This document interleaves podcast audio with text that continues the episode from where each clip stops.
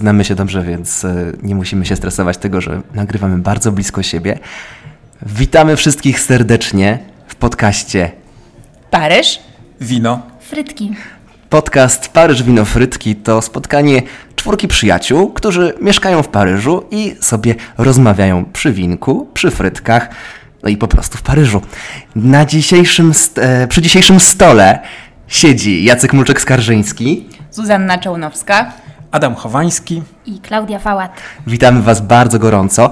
Paryż Wino Frytki to podcast, który trwa maksymalnie 30 minut, więc nie będziemy nadużywać Waszej gościnności i w czasie tego podcastu pozwalamy sobie konsumować pyszne francuskie rzeczy, o których będziemy Was informować. Mamy ze sobą e, tutaj sprowadzone winko Chardonnay. Mamy też, Klaudia powiedz, co tu mamy, co Ty przyniosłaś? Yy, No jak zwykle jakieś chipsy, żeby było czym pochrupać. W ostatnim odcinku zachwycaliśmy się e, chipsami strażakami. Tak. Dzisiaj chipsy strażaki, to to były chipsy z y, panami strażakami na e, etykiecie. Tym razem ta sama marka, Tyrrells, Tyrrells, nie wiem jak to się wymawia. I co to są za chipsy? No tym razem są to chipsy warzywne. W środku mamy buraka, marchewę i białą pietruszkę. O, czyli warzywa. Tak, Czyli no. zdrowo. Chipsy to ziemniaki, więc warzywa. Jedna z pięciu porcji warzyw i owoców. Tu dodatkowo są marchewki i pietruszka, więc to jest e, zgodnie z zaleceniem WHO, to jest e, porcja warzyw, taka solidna. Taka głęboko usmażona. No to spróbujmy, jak smakują te chipsy. Mm, mm, mm. Ja bym chciała buraka. Tak, buraki są najlepsze. Ale to są e, chipsy ziemniaczane o smaku, czy to są nie, nie, warzywa? To są warzywka. To są smażone warzywka. Tak, tak. Czyli tu jest. Ile tu jest warzyw? 100%. 100% warzyw, 100% buraka, 100% marchewki, 100% pietruszki. Ejku, dobre one są. Bardzo dobre, zdrowe chipsy. Z solą morską. Tam Tak. Dopisane. Na etykiecie są to zielone chipsy, e, zielona paczka z panem trzymającym dziarsko e, marchewkę. Ale wiecie, tak z przymrużeniem oka, że to zdrowe, żeby nie było, że my tutaj jakieś negatywne wzorce żywieniowe pro, pro, propagujemy. Tak, Więc oczywiście, zgadzamy się. To takie wszystko jest przymru- zdrowe. z przymrużeniem oka. E, pan trzyma marchew, gigan- gigantyczną marchewkę, dużego buraka i gigantyczną pietruszkę i jest bardzo z tego dumny. No ale ja też się cieszę, bo w gruncie rzeczy to nie są takie chipsy, wulgarne chipsy, chipsy, ale e, coś troszeczkę innego. Tak mamy też e, niesmażone warzywa. Na przykład mamy pomidorki. Tak, pomidorki Na bogato dzisiaj. na bogato, jak w każdym domu warzywa i owoce są potrzebne. Mamy też truskawki, No i niestety nie z Polski. nie z Polski. Ale smakują prawie jak te z Polski. A skąd one są? Z mm, Carrefoura.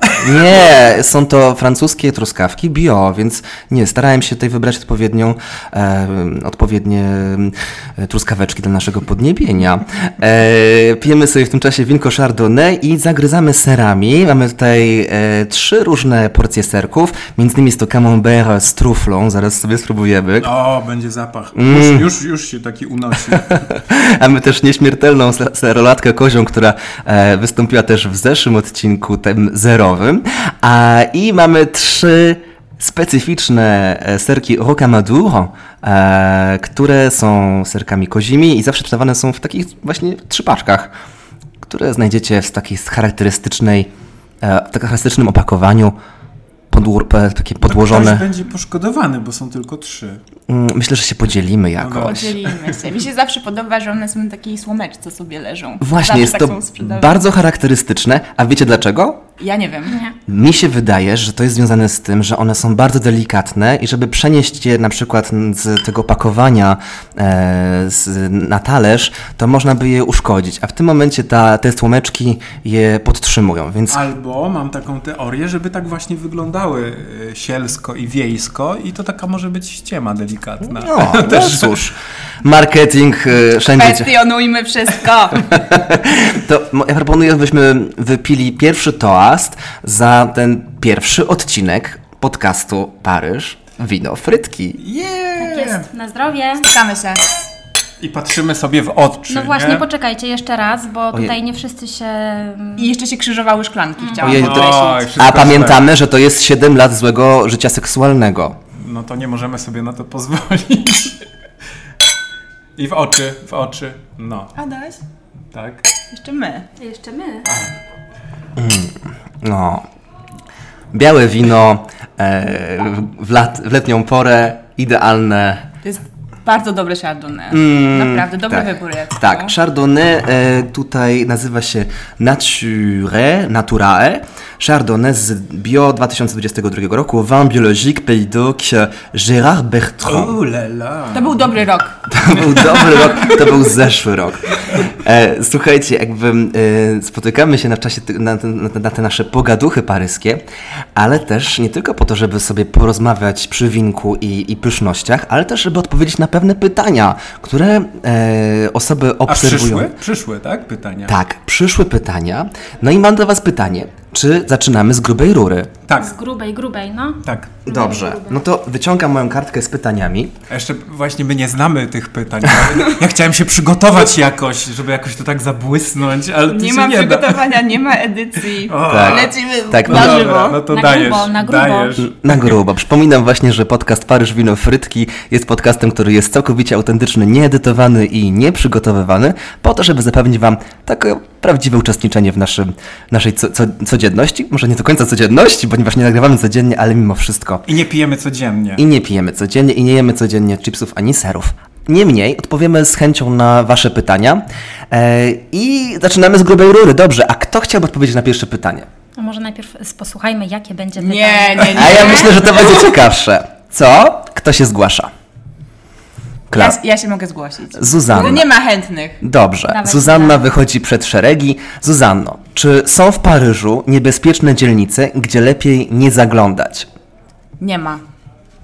Krótka odpowiedź. Adam?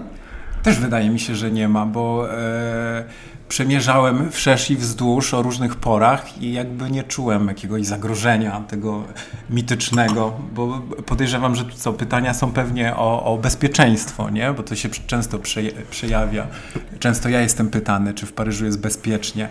Więc może się rozprawmy z tym raz na zawsze, czy jest tutaj bezpiecznie i może powiedzmy z, z naszej perspektywy. E, Ja z perspektywy osoby queerowej muszę powiedzieć, że w Paryżu czuję się bardziej bezpiecznie niż na przykład w Warszawie. I Ja się chciałam z tym zgodzić jako kobieta. E, moje powroty do domu, na przykład późną wieczorą, późną godziną wieczorową, są dla mnie dużo bardziej komfortowe właśnie w Paryżu niż, niż w Warszawie, bo wydaje mi się, że warto porównywać jeden do jednego, czyli mówimy stolica a stolica, e, bo, no tak. bo, bo, bo, bo też ciężko, ciężko mieć inny punkt odniesienia, jeśli mówimy o, o, o miastach i miasteczkach. Więc e, dla mnie Paryż jest dużo bezpieczniejszy niż e, w moim odczuciu niż, niż Warszawa.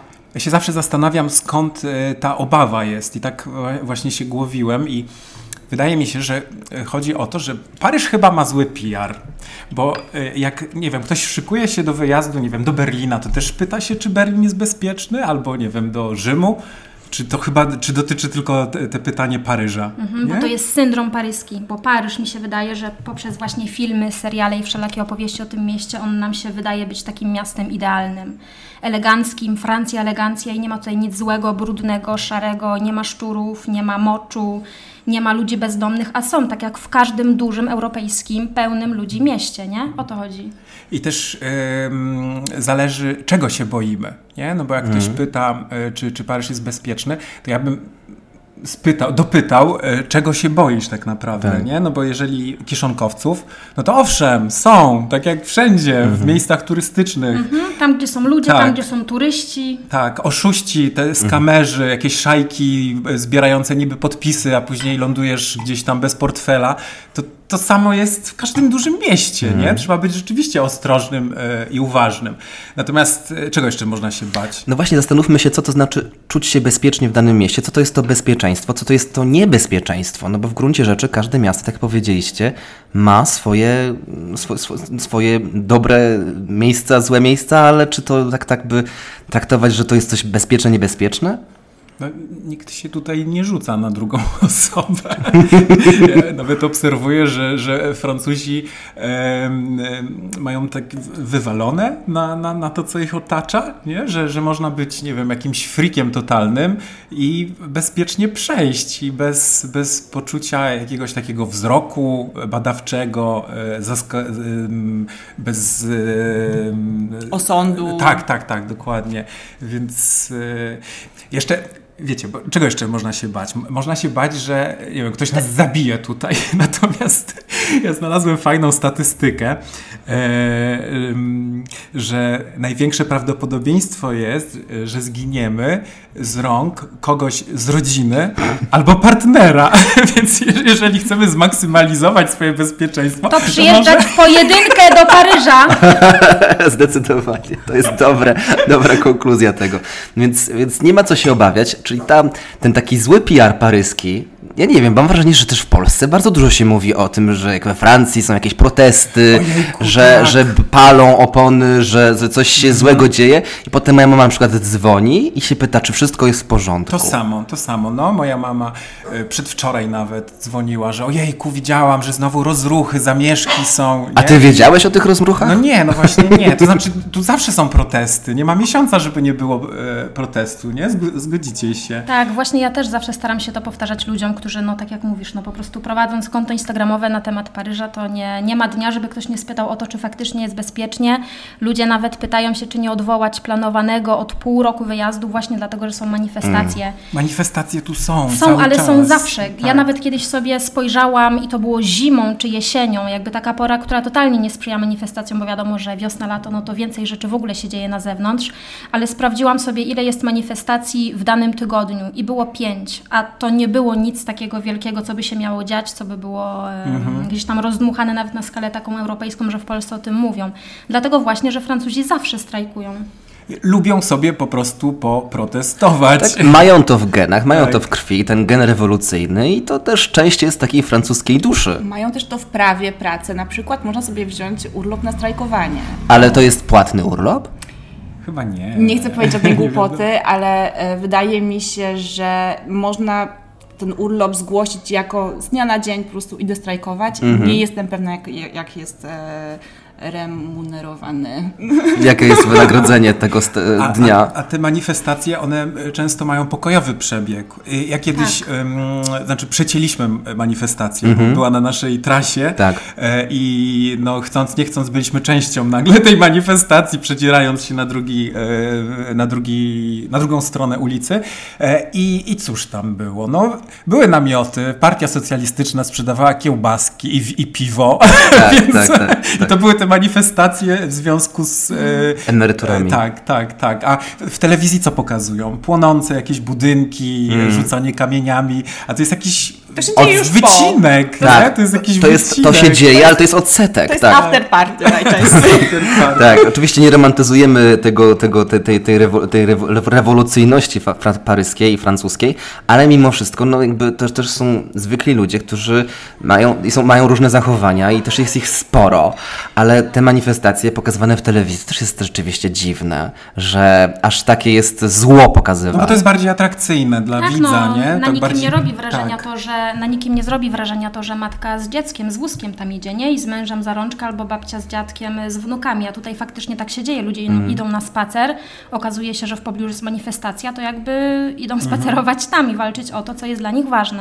A na placu e, Republiki to trzeba uważać, bo tam często jest kilka różnych, e, A. na przykład w danym dniu i trzeba z, sprawdzić, pod którą... Pod dobrą się podpinamy. Tak, tak, tak, czy w słusznej sprawie, bo często są antagonistyczne, nie? No. Na tym samym placu, Czyli jest kocha, ciekawe. kochane osoby obserwujące, jeżeli będziecie w okolicach e, Placu Republiki, Place de la République, pamiętajcie, żeby patrzeć na transparenty, pod którymi jesteście, czy jesteście w odpowiednim miejscu, ale nie ma co się bać tego Paryża, co? Nie, totalnie, ale jeszcze tak na koniec o tych manifestacjach chciałabym tylko dodać, że to jest tak, że one najczęściej idą jakimś konkretnym torem.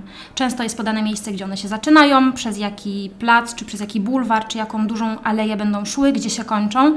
I to nie jest tak, że całe miasto tym żyje. Naprawdę naprawdę można tutaj żyć i nie mieć zielonego pojęcia o tym, że manifestacja w ogóle jakaś ma miejsce, nie? Więc to Dokładnie. też nie jest tak, żeby odwoływać wyjazd, bo nie będzie co robić, bo całe miasto strajkuje. Nie. Manifestacja idzie konkretnym, konkretną trasą, a poza tym e, Paryż jest po prostu cudownym Paryżem. Tak, więc to też nie ma tego stresu. Często też ci manif- osoby manifestujące potem idą po prostu na, na, do kawiarni na piwko albo wino i dalej i rozważają o tych losach świata już przy, przy, przy, przy winku, więc nie ma co się też tego obawiać.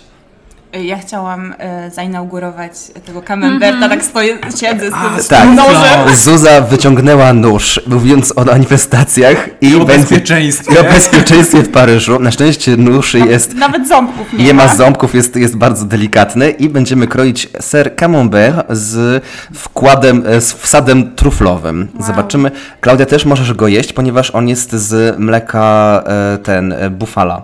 Więc, To on, możesz, nie? więc To podobno możesz. znaczy, że to jest bez właśnie bez laktozy. Wow. Tak, więc oczywiście cze- czekamy na Wasze komentarze, jeżeli, wasze, jeżeli wie, macie jakieś wieści, że to wcale nie jest lakto, bez laktozy i Klaudia będzie jednak żałowała tego. Oj, daję truflą, daję. Daję truflą. Mm. No, A szkoda, taki... szkoda, że zapachu nie możemy przesłać, nie? Bo widziałam, że ten kawałek tak do mikrofonu podsunąłeś, Tak, żebyś tak, chciał właśnie.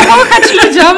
Trochę taką skarpetą. No nie, no trufla ma w sobie taki smak. ty lubisz, Ja no. lubię trufle, więc trufla ma taki smak i zapach taki, tak, mam powiedział, taki zwierzęco Organiczny. organiczny. No właśnie, że to jest jednak takie runoleśne, coś takiego. Mm. I co dobre? Bo ja tak boisz się? Boisz się? trochę, Nie bój no. się. Mm. Słuchacze nam powiedzą. Niam, niam, niam, niam, niam.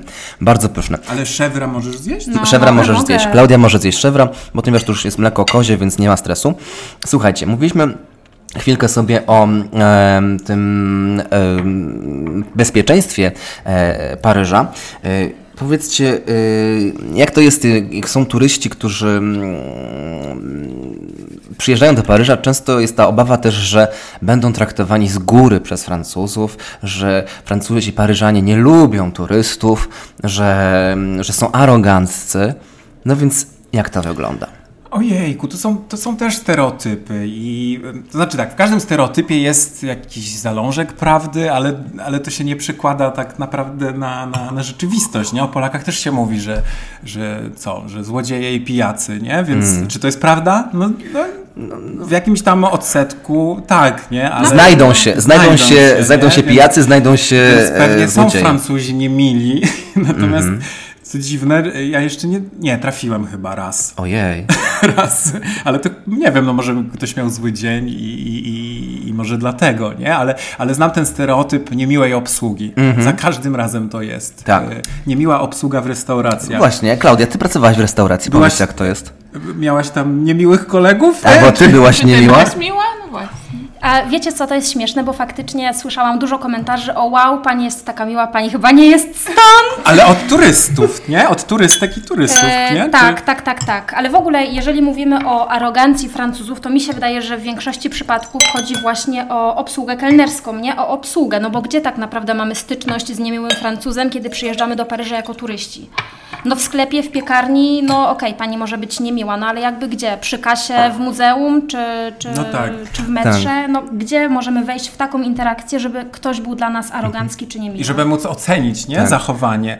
Natomiast ja widzę w, w przypadku obsługi kelnerskiej, em, oni po prostu wykonują swój zawód z taką estymą, oni są profesjonalni. Bo to nie, nie ma takiego serwisu amerykańskiego, że ci wchodzą i, i przymilają się i co chwilę dopytują, jak się czujesz, czy smakowało. Oni po prostu robią swoje, nie? Więc wydaje mi się, że może osoby Zależy jakiej, jakiego serwisu oczekują. Jeżeli oczekują takiego nadskakiwania, no to można powiedzieć, że są niemili. Natomiast według mnie, według e, moich obserwacji, oni po prostu są profesjonalni. Oni po prostu robią swoje. Ja mam też wrażenie, że to też wynika z tego, jaka jest, e, z, z jaką emocją my przychodzimy jako klienci do danego miejsca. Jeżeli my się nie uśmiechamy, często osoby, e, często turyści, którzy nie znają języka francuskiego, bardzo się stresują tym wizytą w restauracji, ponieważ e, no jest to stresujące z punktu widzenia językowego, więc, e, więc po prostu mają w głowie to słówka, które się wyuczy, których się wyuczyli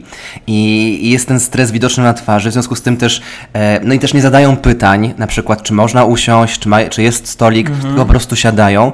jakby trochę się szarogęszą w tej A, restauracji, tak, nie zna a się oczekują. Tych zasad, nie zna się tych zasad tutaj panujących, że trzeba, cierp- trzeba cierpliwie poczekać e, i, i na wskazanie miejsca, prawda? Nie można tak sobie usiąść. Znaczy można sobie usiąść, ale wtedy jesteśmy skazani na, No jest to trochę chamskie. na, na takie traktowanie obcesowe, nie? Więc... Tak, no ja uważam, że każda interakcja, która wiąże się z usługą, wiąże się też z protokołem. I każdy protokół wiąże się z tą kulturą, w której to, to wszystko się dzieje, więc, e, więc Francuzi są, są dosyć przywiązani do tego protokołu, do tego, żeby powiedzieć dzień dobry, żeby zapytać, jak, e, jak się pani pani czuje, Tak. S'il żeby, po, żeby podziękować, żeby poprosić. Gdzie mogę usiąść? Nie, Tak, nie, więc, nie że e, samemu zajmu- samej czy samemu zajmujemy miejsce, tylko nie- siadamy w, na wskazanym. Nie znając tego aspektu właśnie kulturalnego e, no, kraju, czy to jest Francja, czy mówimy jakimkolwiek innym, no, możemy się spotkać z taką no, dosyć obcesowym potraktowaniem, który, które nie wiąże się jakoś szczególnie z niegrzecznością, tylko z tym, że, że, że no, nie, nie, nie przynależymy. Tak. Też jest, myślę, że to właśnie grzeczność wynika, z, jest, jest obustronna, więc jeżeli my jesteśmy mili, uśmiechnięci, wyluzowani, to też ta osoba z drugiej strony przybiera bie, bie, nasze emocje, a w momencie, kiedy my jesteśmy ściśnięci i się stresujemy tym, że ktoś nas jeszcze oszuka, mo- nie daj Boże, e, to, to może nie zdajemy sobie z tego sprawy, ale właśnie to też e, ta druga osoba może projektować te nasze emocje w drugą stronę. Ale ty właśnie y, zauważyłeś, że mm, przyjeżdżając do obcego kraju jesteśmy zestresowani, bo nie znamy języka, ale to działa w drugą stronę.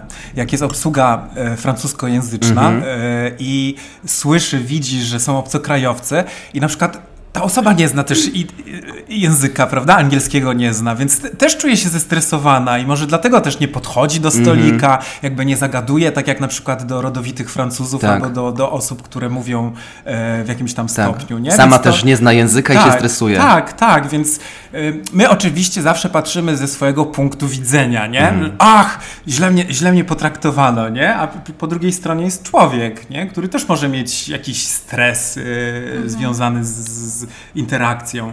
Tak, mi się wydaje też, że na pewno trzeba właśnie tak jak Zuza powiedziałaś, znać zasady panujące w tych restauracjach, nie? I warto jakby znać kilka tych takich kluczowych rzeczy, które są faktycznie ważne, żeby... e, o, Czekajcie, nie mogę się skupić, bo widzę, że tutaj już e, jakaś butelka będzie otwierana. Nie, nie, Klaudia, kontynuuj o zasadach. My będziemy w tym czasie... Zwłaszcza, że Klaudia jest y, ekspertką. Od y, butelek? od nie, nie. zasad panujących. Nie, bo gdyby ktoś nie wiedział, to ja przez ponad 3 lata pracowałam właśnie w paryskiej restauracji, francuskiej paryskiej restauracji, więc e, jakby z takiej pozycji osoby pracującej tam mogę powiedzieć, że faktycznie jest kilka takich rzeczy, która, które mm, mogą sprawić, że kelner będzie przychylniejszym okiem na nas patrzył, nie? I faktycznie jest na pewno to, że nie zajmujemy bez pytania stolika, nawet jeżeli cały taras jest pełny w wolnych stolikach, bo po prostu kelnerzy francuscy bardzo lubią nas ugościć, sami zdecydować, który stolik dostaniemy, nawet jeśli dadzą nam ten stolik, do którego sami przed chwilą usiedliśmy, nie? Chodzi tylko o to, żeby oni nam go dali. No tak, oni rządzą, to jest ich miejsce, nie? Pozwólmy im rządzić w swoim miejscu. Dokładnie, przychodzimy do nich, nie? O! Właśnie otworzyliśmy, a propos przychodzenia do kogoś i goszczenia, otworzyliśmy przyniesioną przez e, Zuzannę butelkę e, Crémant. To jest de- d'Alsace. Zuza, możesz powiedzieć, co to jest w ogóle Crémant? E, Crémant to jest e, wino musujące francuskie. Mamy wiele rodzajów win musujących, nie tylko francuskich. Mamy prosecco włoskie, mamy, mamy szampana z szampanii, no i mamy Crémant, który, który jest e, bardzo też zróżnicowany, jeśli chodzi o regiony, jeśli chodzi o szczepy. No właśnie, E, bo jest Crémant de Bourgogne, Tak. Crémant d'Alsace.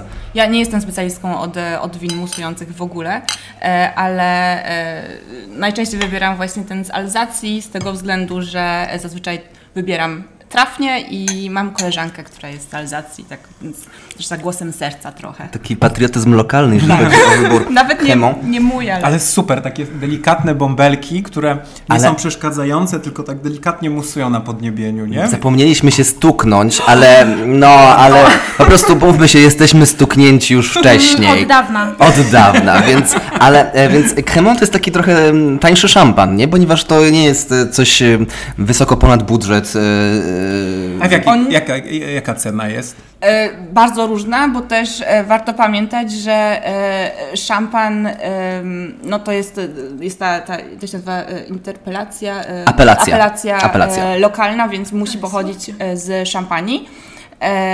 I czasami, bardzo często w ogóle jest dużo przyjemniej kupić e, Cremant, który jest zdecydowanie tańszy niż, niż nawet najtańszy szampan, a będzie jakościowo dużo lepszy niż ten najtańszy szampan.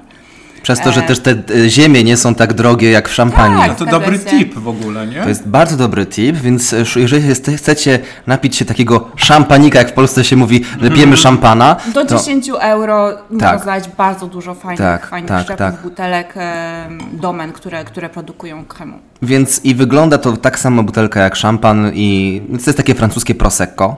E, Metoda, z tego co się orientuję, kiedyś to tak, że to po prostu szampan ma troszeczkę dłużej jest robiony, dużo, dłużej, dłużej leżakuje, a, a cremant jest krótszy proces y, tworzenia. Ale to pewnie osoby, które się znają i nas słuchają, będą nas korygować. Ale bardzo serdecznie czekamy na Wasze komentarze i wiadomości, a także pytania kolejne, no bo, bo, bo co, tu, co, tu, co, co tu się oszukiwać. Na te pytania będziemy odpowiadać.